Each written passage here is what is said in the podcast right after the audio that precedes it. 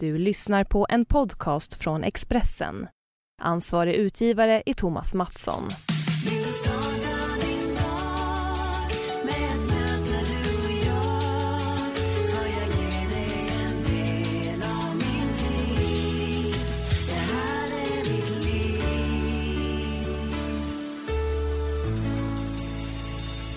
Och välkommen till Livshjulet med mig Anna Hegerstrand. Jag hoppas att du har fått en fin start på veckan och att du är laddad för att lyssna på veckans gäst som just nu är aktuell med sin första nya julskiva på 20 år. Julen kom, jag väntar på dig heter den. Med mig i studion den här veckan har jag Sofia Källgren som varje år får väldigt mycket att göra just i december då hon inte helt oväntat är en flitigt anlitad sångerska för julkonserter. Och hur hon får ihop alla delarna i livet just nu när första advent står runt knuten ska vi få höra alldeles strax. Jag finns på sociala medier. Jag heter Anna Hegerstrand på Instagram och så bloggar jag på Expressen. Jag nås på mail anna.hegerstrand.se och hör gärna av dig med vilka gäster du vill höra i livshjulet framöver. Ha nu en fortsatt fin vecka så kommer Sofia Källgren här. Varsågod.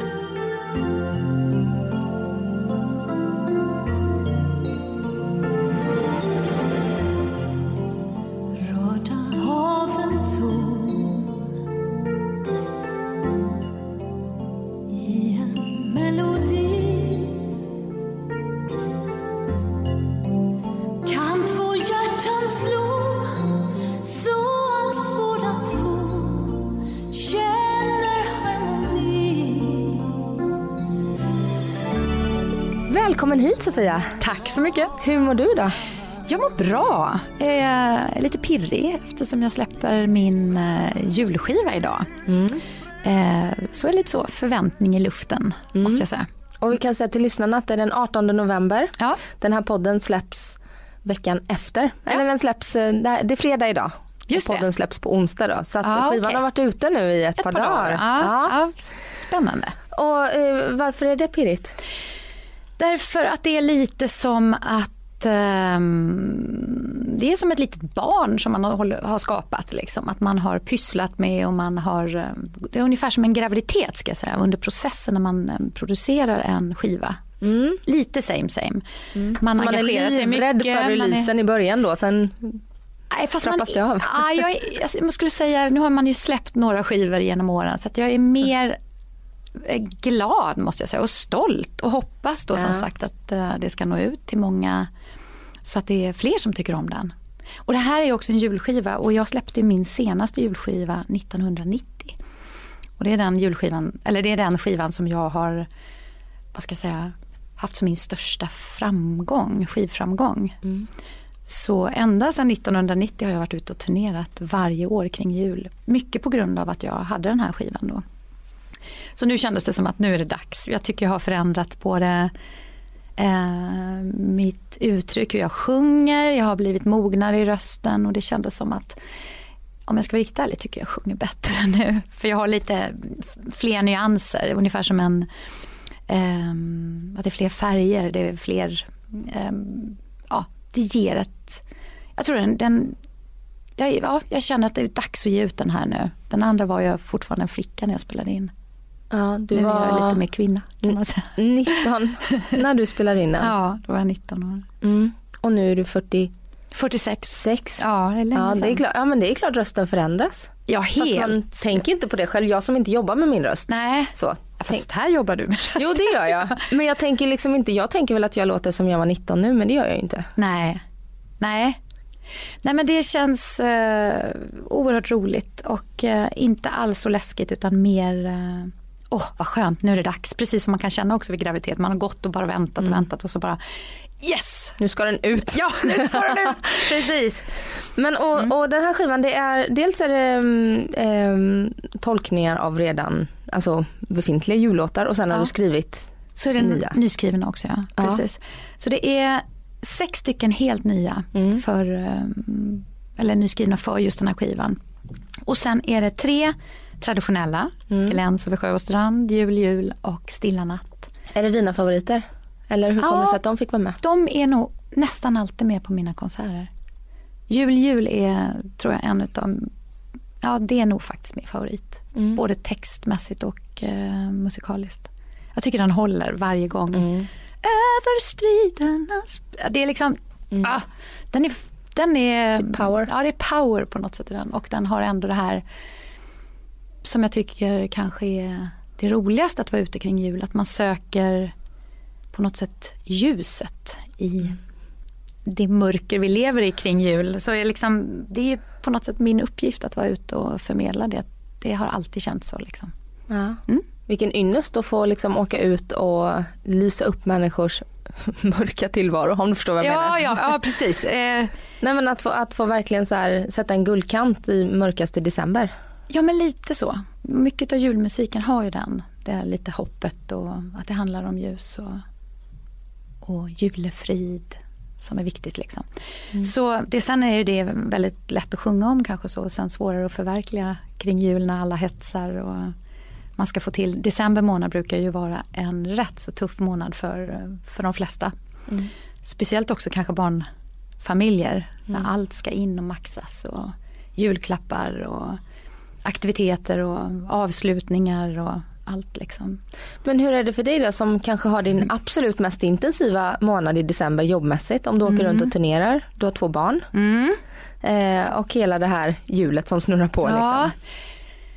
Det är klart att man känner sig inte alltid som världens bästa mamma under, under den här månaden. Nej. Men eh, nu har jag chans att och, eh, kompensera förhoppningsvis för det de andra månaderna eftersom jag har ett fritt yrke. så. Men någonstans så är det så här lite grann att det, att stå och sjunga det här materialet gör mig lugn. Det gör, alltså det, det är som körsångare brukar säga att de blir lyckliga när de sjunger. Och det är, lite så är det. Så jag får, får ett stresspåslag för att det är mycket.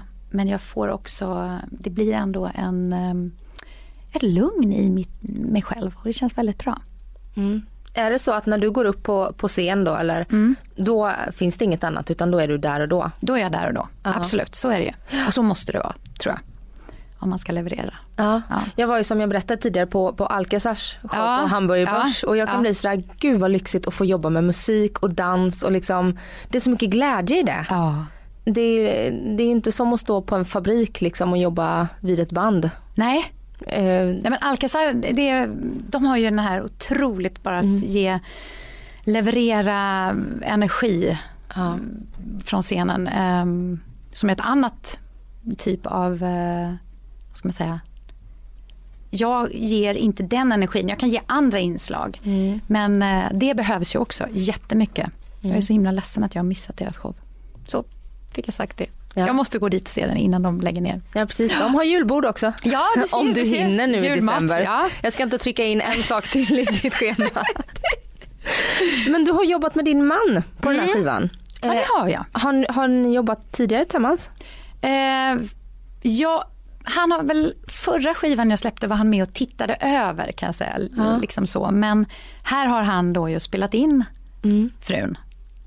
Och det var ju lite speciellt. Per är ju, eh, jag har en eh, stor respekt för honom som eh, den yrkesman han är. låtskrivare. Ja. Och han har ju jobbat då med ganska bra sångare, genom, sångerskor och sångare genom åren. Till exempel Céline Dion och Madonna. Och, No pressure. Nej precis, exakt där står man liksom så här. Ja.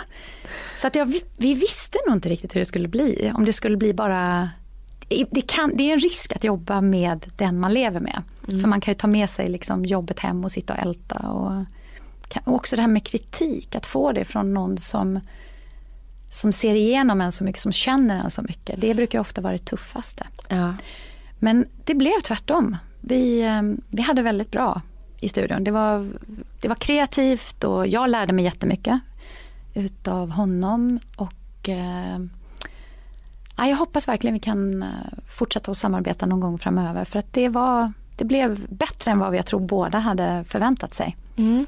Och har ni skrivit de här eh, låtarna tillsammans? Nej, eller? de har jag faktiskt skrivit, delvis har jag skrivit text. Eh, musiken har en kille som, eh, har, han heter Jakob Olofsson. Mm. Jag träffade honom när vi gjorde julkonserter på ett eh, konserthus i Jönköping som heter Spira. Mm, där är jag ifrån. Ja, du är från Ja. Jönköping? Jag känner till Jönköping. Ja, för jag var där för ett par år sedan och då var det en i orkestern som var så ja, han, var, han var lite ödmjuk och sådär och sen så kom det fram att han skrev jullåtar och han frågade om man skulle kunna tänka sig att göra någon låt.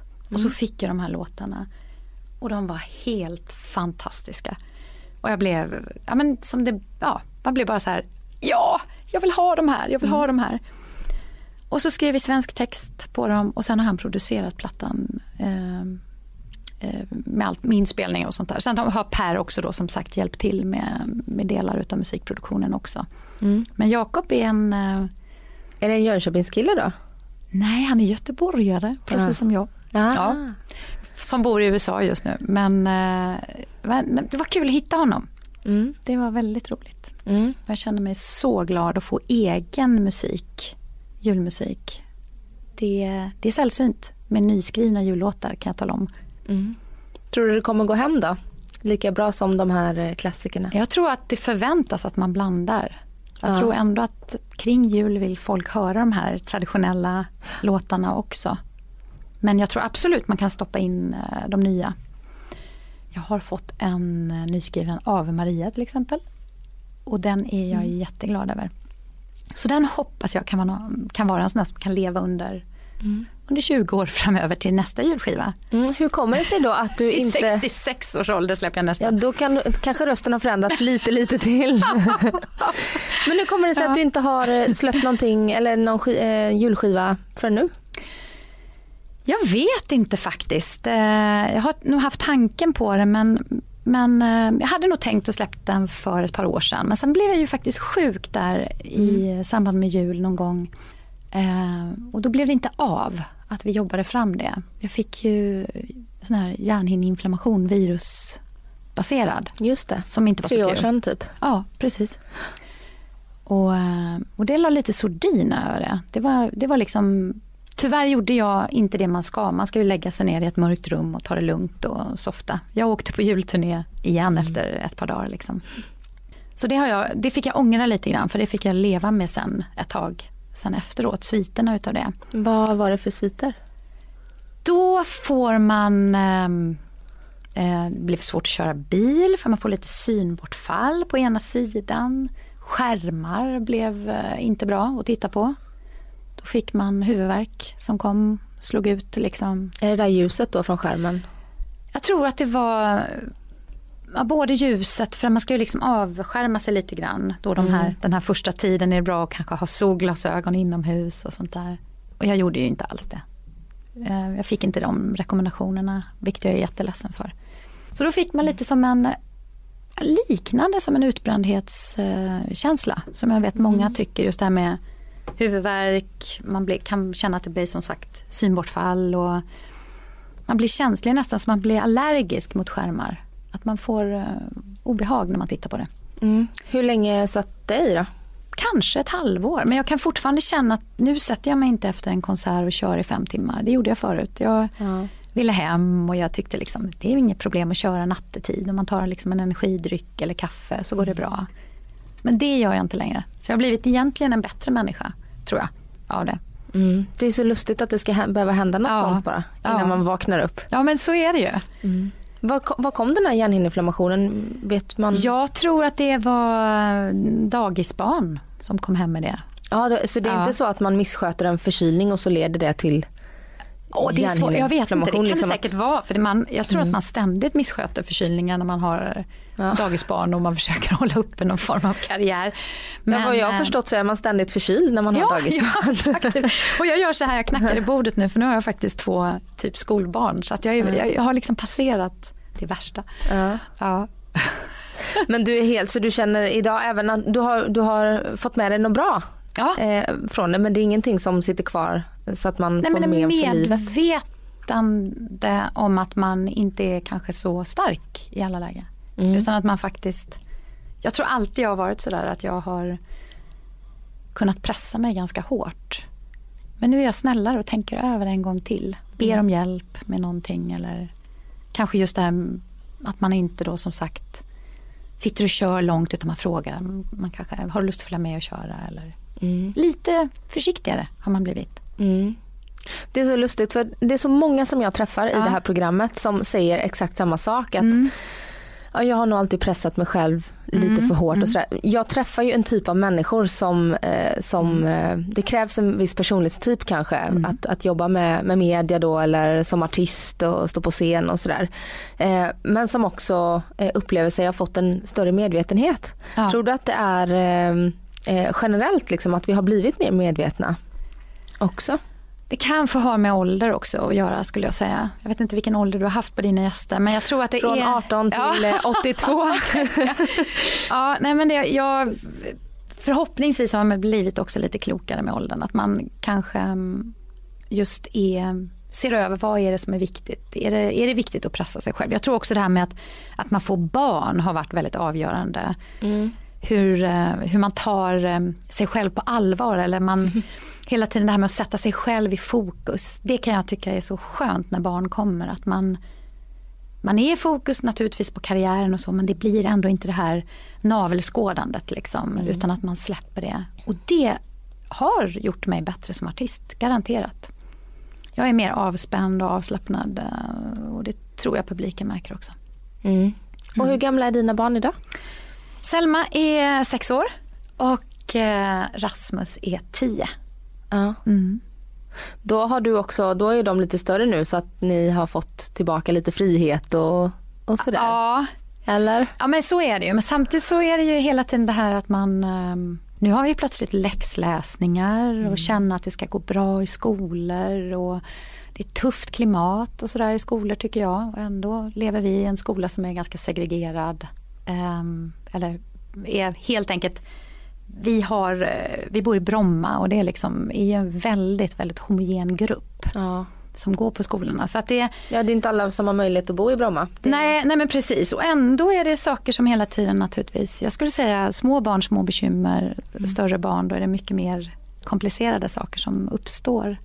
Vänta då till de blir tonåring. Ja, ja exakt. Jag, ja. Var du själv hemsk som tonåring? Nej, jag var ju, eh, jag var nog väldigt lätt. Jag, eh, jag började jobba som 12-åring med musik. Oj. Så att jag gick lite parallellt. Jag behövde liksom inte, jag blev ju lite stor redan som 12-åring om du förstår. Så då behövde jag inte liksom sparka och fräsa och slå av mig barndomen på det sättet. Liksom. Utan eh, det blev så utav sig själv. Så det var, det var nog en hyfsat lugn uppväxt så. Eller tonårsperiod. Skulle du vilja att din dotter började jobba som 12-åring? Eller son för den delen. Eh, Det är två år kvar. det är två år kvar. Jo, men jag måste säga att det var ju ehm, Det var väldigt kul. Jag jobbade på Stora Teatern i Göteborg på Operan där.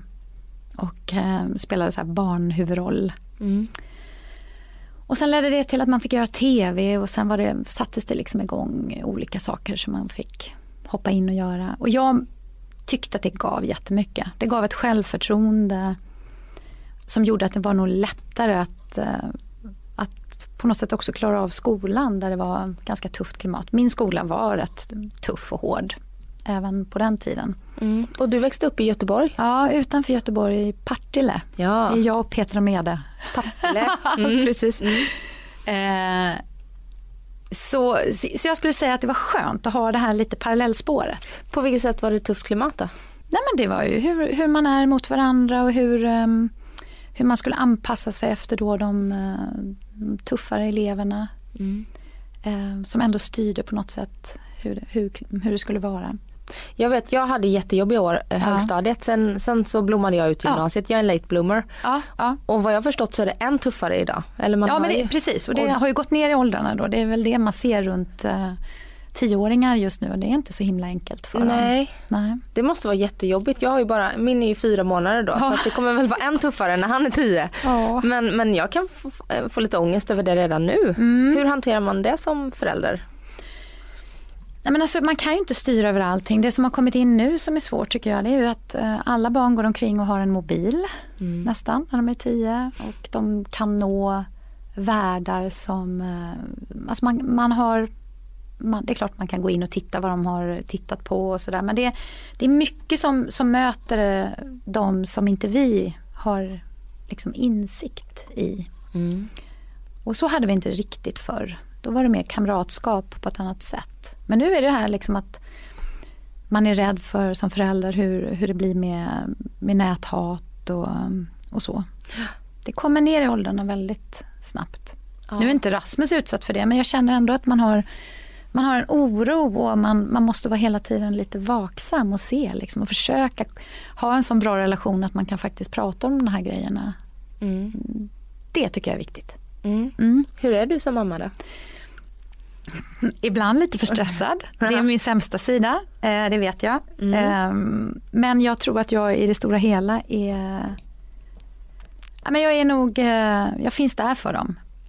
Även om jag har haft perioder när jag är ute och turnerar och sådär. Ofta har de varit med på somrarna till exempel. Då har ju de sommarlov. Så då får de hänga på morsan. Liksom. Det, är, det är inte något annat att göra. Nej. Och nu är det till och med så att Rasmus kan säga, ah, vad ska vi göra i sommar? Ska, ska vi åka på turné eller? och Man förväntar sig att det Ja, finns en precis. turné där. Ja, precis. Ah, får vi åka Gotlandsbåten? Ah, ja, kanske. Jag får väl mm, sätta in ett Gotlandsgig här. Mm. Så egentligen blir det när, vi, när jag är ute på turné på somrarna, då blir det som en riktig Svensson-semester. Man fyller bilen proppfull med massa saker och sen åker man liksom. Och så gör man stopp på olika ställen runt i Sverige. Mm. Det låter lite mysigt. Ja men det är ju det. Och för mig som är, är väldigt familjekär. Och jag har ju har jag längtat efter barn ganska länge innan jag fick barn. Mm. Så desto viktigare är det för mig att man eh, finns där och att man har umgänget. För tids nog så kommer de ändå dissa en liksom, och inte vilja hänga med en. Mm. Just det, det läste jag att, du, att ni tog hjälp Ja, eh, och skaffa barn. ja. Du var 36 när du blev mamma. Mm, Mm. precis. Och det var, eh, nu ska vi se, jag, har ju, jag är inte så bra insatt. Men det finns ju provrörsbefruktning Ja. och insemination. Vad är skillnaden på det? Insemination är det bara att man, eh, man eh, helt enkelt eh, får en, eh, en, en spruta med, med spermer Ja. som, som är tvättade och fixade och väldigt snygga. Ja. Och det Och- kan man ju göra som ensamstående kvinna i Sverige idag. Ja, det kan man göra också. Ja. Det kan man göra. Det var ganska nyligen Ja, det blev precis. lagligt. Ja. Mm. Nej, men det är som att man, man gör helt enkelt, man hjälper kroppen ännu mer. Att allting blir väldigt så här, nu är allt optimalt helt enkelt Ja. förberett. Och som kvinna får man, eh, får man en skjuts eh, rent eh, hormonellt så att äggen blir tillräckligt bra Ja, kvalitet okej. på. Ja. Så det gjorde vi med, med Rasmus och eh, sen när Selma skulle komma, för jag var väldigt inne på att få barn. Min man hade inte alls samma tankar kring detta kan jag säga. Nej. Men, eh, Han fick åka med på tåget. Han fick åka med på tåget lätt kan jag säga. Eh, och då gick det inte alls eh, så lätt. Eh, utan då, då gjorde vi ett ehm, ehm, vi gick till Sofiahemmet och så fick vi hjälp då ehm, med IVF som det heter. Mm. Och det gick inte så bra. Ehm, Jag fick, eh, det slutade med faktiskt att min äggstock sprack hemma på badrumsgolvet. Aj. Och det var inget roligt kan jag säga. Det är, eh, plötsligt får du en blödning invärtes. Och det, det är lite som att, ja, nu har man inte blivit skottskadad tack och lov, men det, det är liksom, det gör så vansinnigt ont. Så jag låg bara och bet i en handduk. Mm. Och då var ju Rasmus liten så han låg och sov och Per min man var på nedervåningen. Och jag kunde inte ropa ens för jag hade inte kraft till det. Så tack och lov kom Per upp efter eh, fem minuter eller någonting. Och såg mig och ringde ambulans och eh, så att jag kom in. Men det var, nej, det var bland det värsta jag varit med om. För jag kände att det här var så pass allvarligt när det väl Är det farligt? Om men äggstock alltså, blödning i buken är inte bra om man Nej. inte får bukt med det helt enkelt. Nej. Men, eh, men jag kände att det här var så allvarligt så jag liksom sa lite farväl till Per och sa att jag visste liksom inte vad, vad, vad kommer det här bli. Mm. Ehm, så det var, det var typ, det var en av de absolut vidrigaste grejerna jag varit med om i mitt liv. Mm. Det förstår jag. Ehm, så att, sen åkte vi in till eh, akuten och hela den, hela den eh, mm, det mottagandet, hur det blev. Det blev inte så bra för det är ju det här med läkarbrist och man fick ligga väldigt länge utan att någon tittade till en och sen när man, vi kom in halv elva och halv fem tittade första läkaren på mig. Och där låg du och hade så Ja, ont? Ja, jag fick morfin hela tiden. Ja. Och sen så eh, kommer läkaren och har då gjort den här bedömningen att han ska titta på mig och vi är så tacksamma att han har äntligen kommit. Och då, får, då plingar det i hans telefon, då måste han ner och göra ett akut kejsarsnitt också. Så att hela det här den trygghets, eh, eller känslan av trygghet man har haft alltid genom åren, liksom att man, så fort det händer något då kommer det gå bra för vi har bra sjukvård. Det skakades om riktigt vid det läget faktiskt. Men sen blev jag hel och frisk och eh, min man var väldigt glad för det också, att jag fanns kvar. Ja, det förstår jag. Men hur funkar det med äggstock? Eh, De Fick du kun- ha kvar eller? Ja, de kunde alltså bränna ihop den och laga den. Ah, Så ja. att den var, den var okej efter det. Och då var det inte så lätt när jag började ta upp med min man att nej men nu tycker jag ändå att vi ska ha ett till barn. Aha. För som, ja, ibland är man ju som kvinna ganska hård på det här liksom, att man kan utsätta sig för mycket för sin barnlängtan. Liksom. Ja, alltså vi går gravida i nio månader och sen trycker ut en människa genom oss. Japp, så är det. Så att det dröjde väl kanske ett tag där efteråt när vi bara fick andas ut och så. Men sen tog vi upp det igen och då gick det jättebra och då blev det Selma. Mm. Och hur kommer det sig att ni valde två olika metoder? Eh, det var helt enkelt att eh, första gången så behövde vi inte gå igenom en IVF utan då tog okej. man den lättaste. Ja. Eh, och andra gången så fick vi satsa hela vägen för att det skulle bli. Mm. Eh, så så är det. Men vi behövde ju inte plocka in eh, eh, hjälp från annat håll utan det liksom, vi kunde ju använda Per och mig liksom Ja. i skapandet utav barn. Vi behövde inte göra det här åka till Danmark eller ta något annat utan det är liksom vilket är ju naturligtvis underlättande såklart. Men eh, det, var, det är en resa och det finns faktiskt även tankar på att ge ut en bok kring de här grejerna. Jag tycker det är så himla bra för man pratar, nu börjar Nu man börjar prata, prata, precis. mer.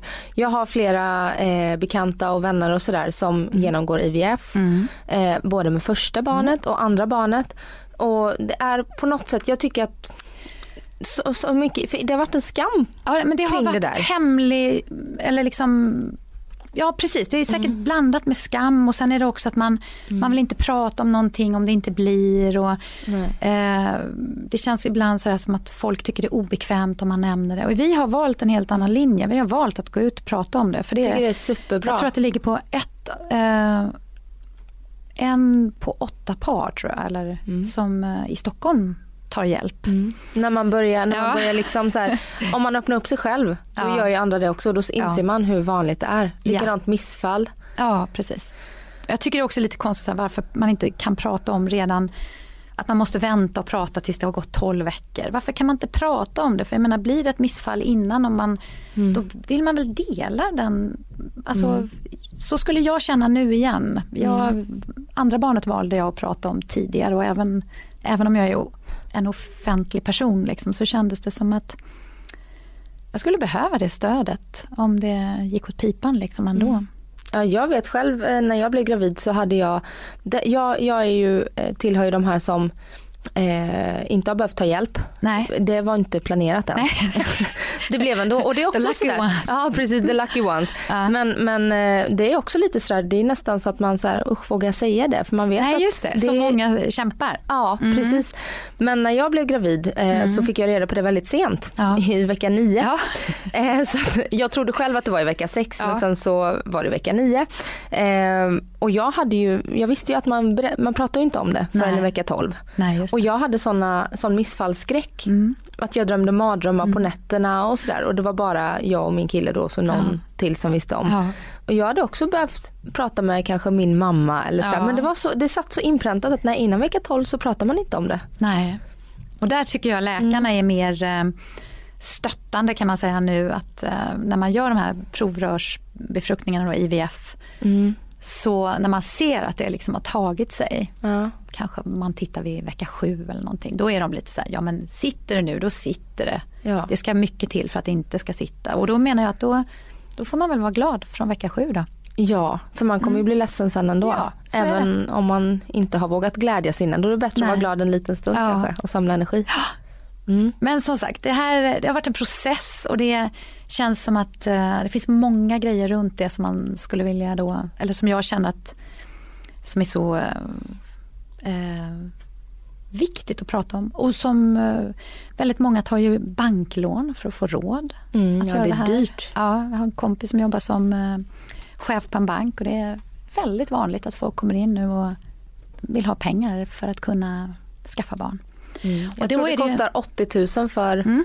ett IVF-försök. Eller något sånt där, 70-80 000. Ja, Och det är väldigt mycket pengar. Ja, det kanske har gått upp sen jag gjorde men då, Mm. jag vet att man kunde välja så här, tre försök så fick man något så här lite special prize. Ja, men det, ja. Och det, det gör ju att det blir en, liksom en, eh, en politisk fråga. Vilka är det som har råd att ha barn? Mm. Och vi skaffar barn för sent. Vi får lära oss allt om hur man ska skydda sig men eh, inte riktigt vad som händer i kroppen efter 35 års ålder. Nej. För oss kvinnor, jag måste säga jag är helt förvånad hur lite man visste själv om sin, sin egen kropp som kvinna. Mm. Eh, Det har Men- man ju lärt sig nu. Ja, men det är, ju- det är en effekt av att det är svårt att få en bostad. Ja. Det är svårt att få jobb. Ja. Man ska ju kunna försörja ett barn och sen så är vi också mycket mer ego idag. Alltså, vi har det många får vi ändå fler- lägga in som en stor aspekt. Ja. Ja. Ja, gud ja. Och det är ju faktiskt så att väldigt många är det även när de får barn och tror att nu den här egen tiden man kämpar efter. Jag är så trött på det. Egen tid. Alltså, det är klart att man ska ha möjlighet liksom att ha någon tid för sig själv. Eh, Det tror jag är superviktigt. Men det, det finns någon slags hets kring den där att egotiden ska finnas. Liksom. Och när man är förälder så tycker jag då får man inse att det här har man ju, har man ju valt. Och då är det lite andra regler som, där tycker jag vi faktiskt ganska omogna i vårt tänk. Mm. Hur har ni gjort med, med liksom fördelningen hemma och sådär? På tal om det. Vem har haft mest egen tid? Eh, ja, jag- ska säga att egentid är inte jättevanligt förekommande hos oss. Men min man har, eftersom han har haft ett sån, en sån, vad ska jag säga, en sån karriär senaste åren. Så har jag nog medvetet tagit ett steg tillbaks. Och låtit honom köra på. Eh, för min del så känner jag att jag har gjort väldigt mycket roliga grejer innan jag skaffade barn. Jag har karriär i Kina, jag har stått på Royal Albert Hall, jag har eh, eh, varit nere i Monaco och sjungit för prins Albert. Alltså så här tokiga saker som man, man skulle kunna tycka så här, ja, check, check, kul, kul. Ja. Så. Så att när, när det väl var läge att skaffa barn så kände jag att nu kör vi. Liksom. Jag tar gärna ett steg tillbaka. Jag behöver inte vara och turnera runt hela Kina liksom, eh, i varenda stad. Utan, eh, och det var ett medvetet beslut som, eh, som jag gjorde och som jag tror min man är väldigt lycklig för. För att det innebar att han kunde på något sätt ha en eh, eh, fortsätta sin karriär. Eh, hela. Så det är väldigt traditionellt uppdelat. Och, eh, vilket jag på sätt och vis hatar eftersom jag är feminist och tycker att vi ska dela på det. Men det, det är på mina villkor ändå. För att jag har valt att jag vill vara närvarande mamma och kanske då har varit den. Eftersom Per också jobbar i USA så är det så svårt. Det var ju också ett val. Behöver vi flytta till USA? Eller kan vi bo kvar? Och då valde vi att bo kvar. Vilket innebär att han är borta sex veckor ibland. Och det är klart, då är det ju stentufft periodvis. Så då har vi fått ta hjälp och så. För att jag också ska kunna fortsätta mitt jobb. Och ni eh, planerar att bo kvar i Sverige? Det finns inga USA-planer nu? Just nu känns det ju inte så supersuget inte att till åka. Trump, Nej. Trumpland. Nej, jag är inte supersugen år just nu. kanske? Om fyra år, när eh, en kvinna tar över förhoppningsvis. För då har vi ruttnat på det andra systemet. Ja. Ehm, så man ska inte säga aldrig. Det är klart att det finns en, eh, en stor marknad där. Men för min del så känner jag inte att jag är sugen på att hoppa på och försöka göra karriär eller jobba med eh, eh, ta steget och flyt, flytta till LA som då skulle vara aktuellt. Utan ehm, Det är min dröm. Ja det är det ja, du Jag ser. önskar att min man var Ja. låtskrivare så jag kunde få flytta till LA. Ja men, vi, ja men vi får se. Jag känner mig väldigt svensk eh, i mitt hjärta och jag mm, har min publik här.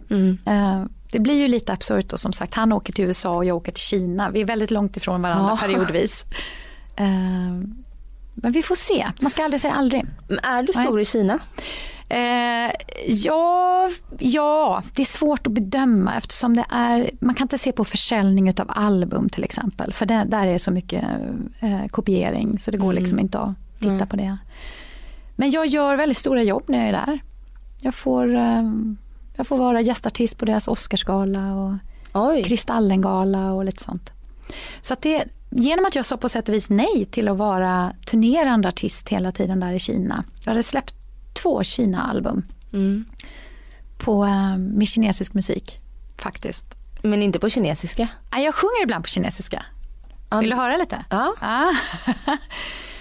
Duan tuan liu liu dit sao tse. Kan ding liu liu dit cheng yu. Yu li ya wan wan Kan ding liu liu dit cheng yu. Ja, typ. Jag ska inte be om översättningen på det där kanske. Fast jag kan berätta. Ja. Det är att jag är lite desperat, att jag vill bli snabbt gift och att jag är jättebra på handarbete. Det känns Kina-kompatibelt. Det känns också modern kvinnosyn. Ja, verkligen. Ja, verkligen. Ehm, Har du eh, Det här är en här- tagit kurser i kinesiska för att lära dig? nej, Eller? det var också ett vägskäl som jag stod inför. Om jag skulle liksom fortsatt hela karriären och låtit dem få bestämma och bes- liksom sätta turnéer och sådär. Så hade jag behövt göra det. Men då blev jag gravid med Rasmus. Mhm. Så att då kändes det som att det var fokus på annat. Men jag har lärt mig liksom uttalet eh, via kineser som har hjälpt mig. Ja. Så det finns ett coolt klipp faktiskt på Youtube där jag står eh, på Himmelska fridens torg. Första gången de har konsert där efter det som hänt där. Ehm, två symfoniorkestrar och så är det, ja, jag vet inte hur många dansare, hundratal kanske. Och sen sjunger jag en kinesisk låt. Och det är lite coolt. Det är faktiskt det, ett av de grejerna jag är mest stolt över. För det känns så konstigt. Och det här sändes ett år innan OS-invigningen. Ja. Så det var som en startup. Då måste man ju säga att du är stor i Kina om Ja, du får men göra lite, den ja. typen av Ja men jobb. det kanske man är. Ja. Men det var coolt att man, när jag sa nej till, till då lanseringen i Kina rent så från skivbolag och så. Mm.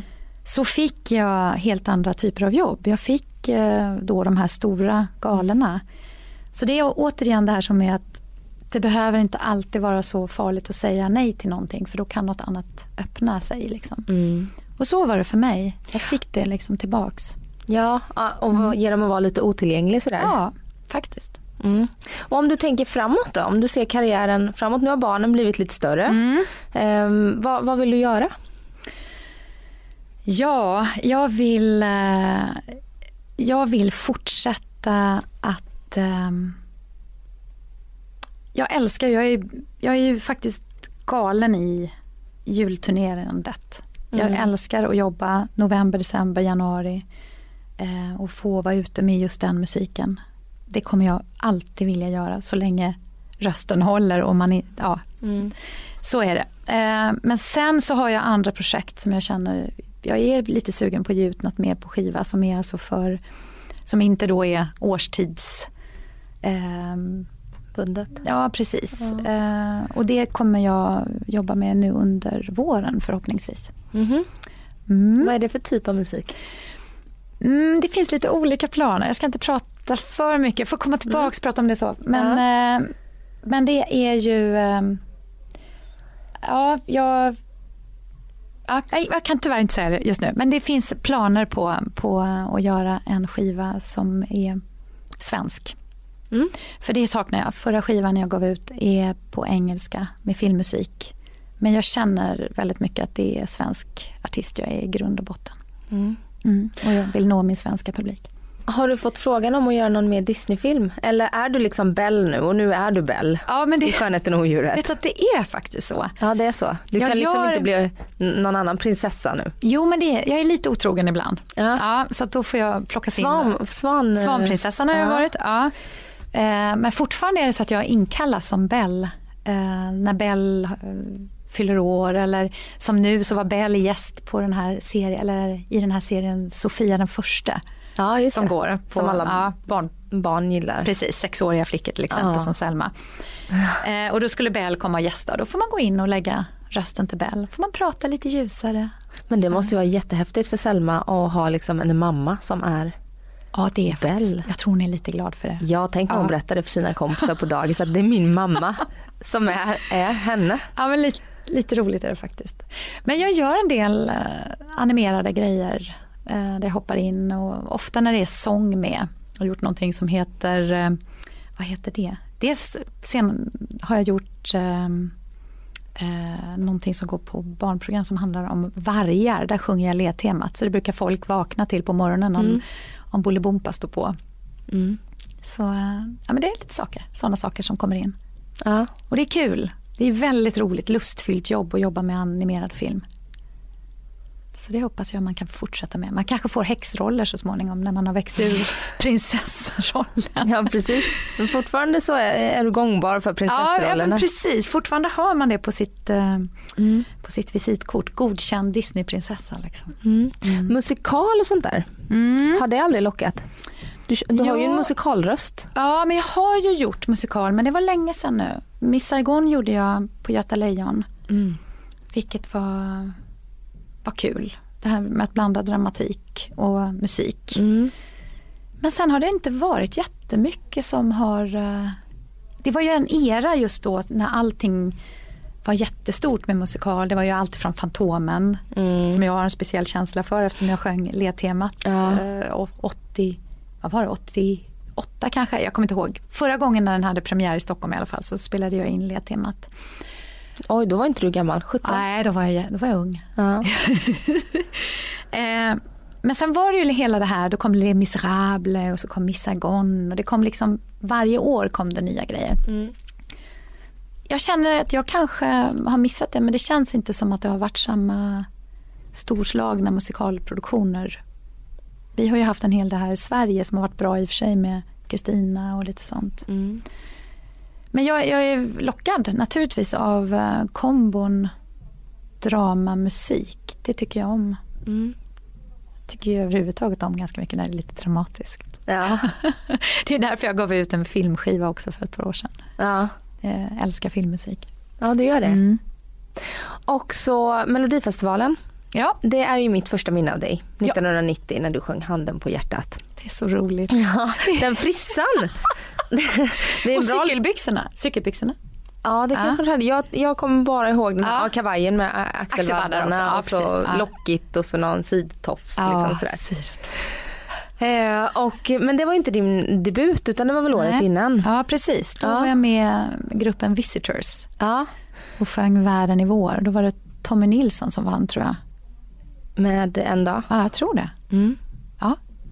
Och eh, blir det mer mello om du får välja?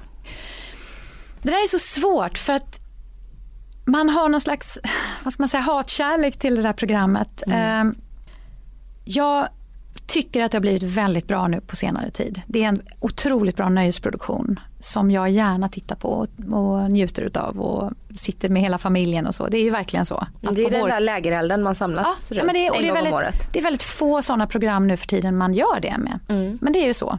På spåret har väl blivit lite så ibland på fredagskvällar. Men där är inte barnen med kanske. Där Nej, sitter de vuxna. säga, liksom, inte hemma hos oss, men- Nej, precis. Nej. Ehm, men, ehm, men det är också så svårt. Jag skulle gärna vilja vara med. För jag tror att det skulle vara bra. För att det når ut till så många. Mm. Har man rätt låt som man verkligen älskar och står för så, så skulle det kännas enkelt att säga ja. Och så har man väldigt mycket jobb året efter mello vad jag förstått. Ja, fast det är också en slakt på etablerade artister. Får man ju säga. För att senaste året var det ju ganska tufft för alla de som eh, var etablerade. Det var ju inte en enda etablerad artist som Nej. gick vidare. Nej. Ja, Molly Sandén då kanske. Precis, så det känns också som att det är en jäkla insats man går in i. Liksom så här, vad, vad händer? Ehm, Nej, det var, va- varenda etablerad artist Ja, åkte ju ut. precis. Det är helt sjukt. Så jag tror att det kommer vara svårare att få de etablerade artisterna att ställa upp. Och samtidigt så är, är man lite beroende för att man vet ändå som sagt hur mycket det ger tillbaks. Eh, Och det är svårt att hitta de programmen som når fram så mycket. Men sen är det ju så, för det är ju folket som röstar. Ja, Och så kommer då, vi, vi tar ett exempel, Samir och Viktor Ja. som då tillsammans kanske har nästan en miljon följare på Instagram. som så här, rösta på oss Ja. och så sitter det kids. Det är ju klart att de går vidare. absolut. Det blir ju inte en musiktävling i vilken låt som är bäst Nej, längre, nej, nej. utan det blir ju vem som har flest följare på Instagram. Ja men så är det ju. Och då kan det ju vara att man sitter med en jättebra låt och så når man inte de här.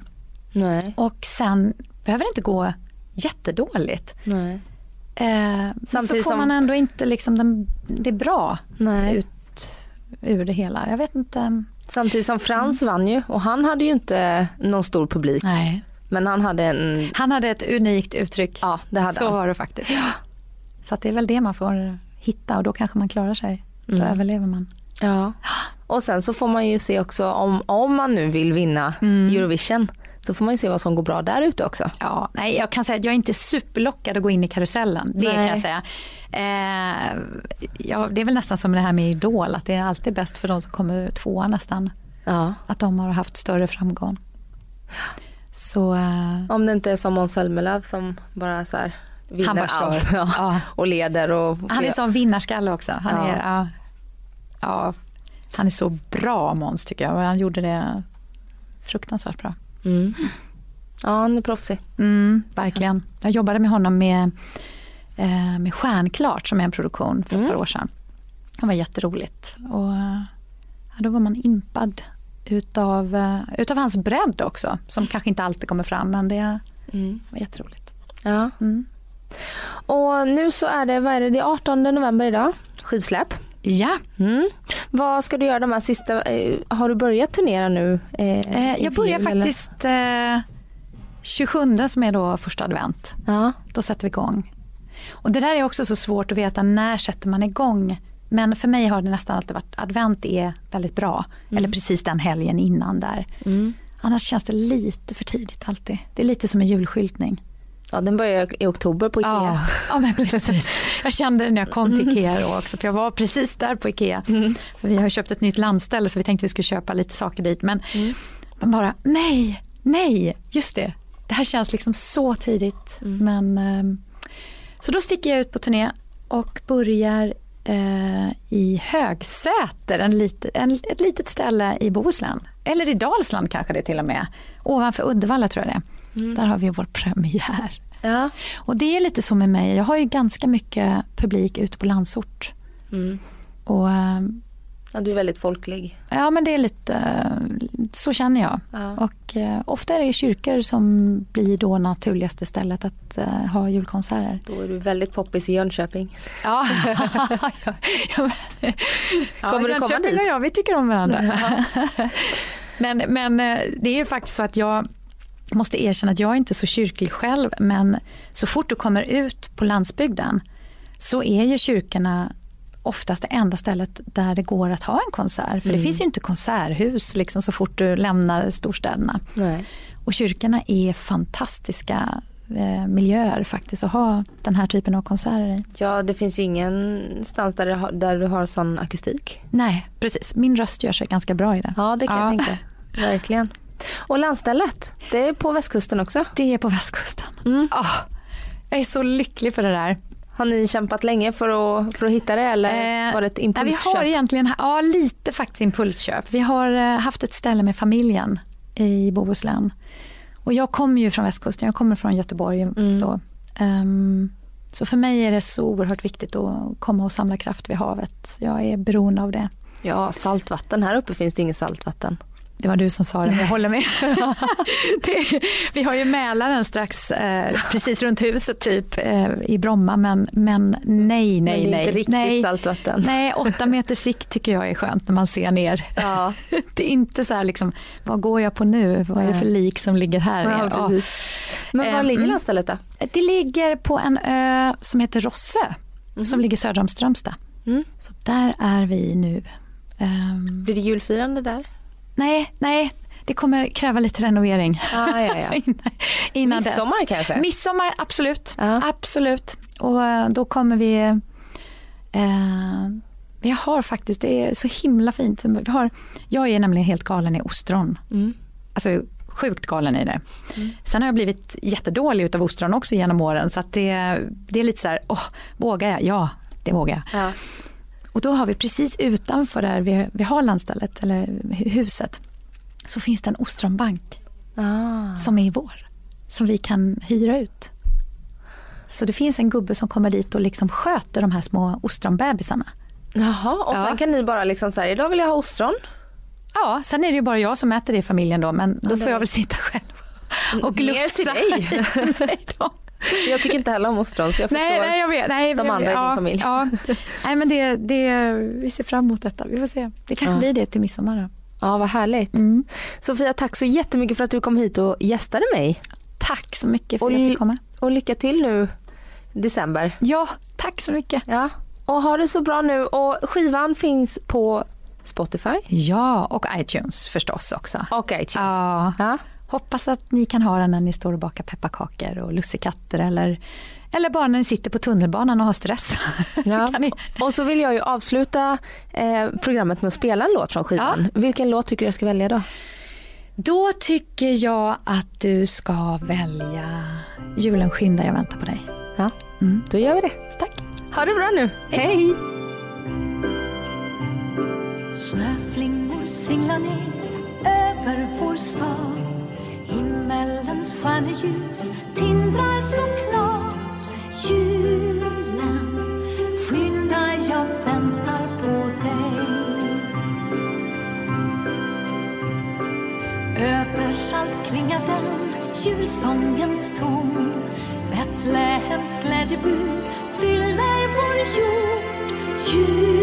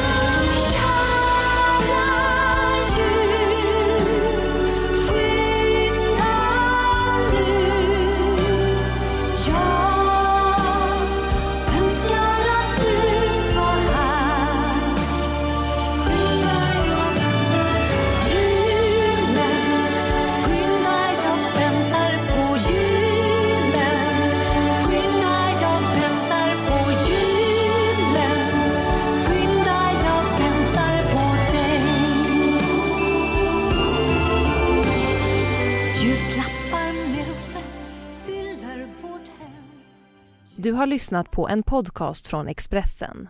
Ansvarig utgivare är Thomas Mattsson. Med Hedvigs hemförsäkring är du skyddad från golv till tak oavsett om det gäller större skador eller mindre olyckor. Digital försäkring med personlig service, smidig hjälp och alltid utan bindningstid. Skaffa Hedvig så hjälper vi dig att säga upp din gamla försäkring. Hedvig hemförsäkring, ett klick bort.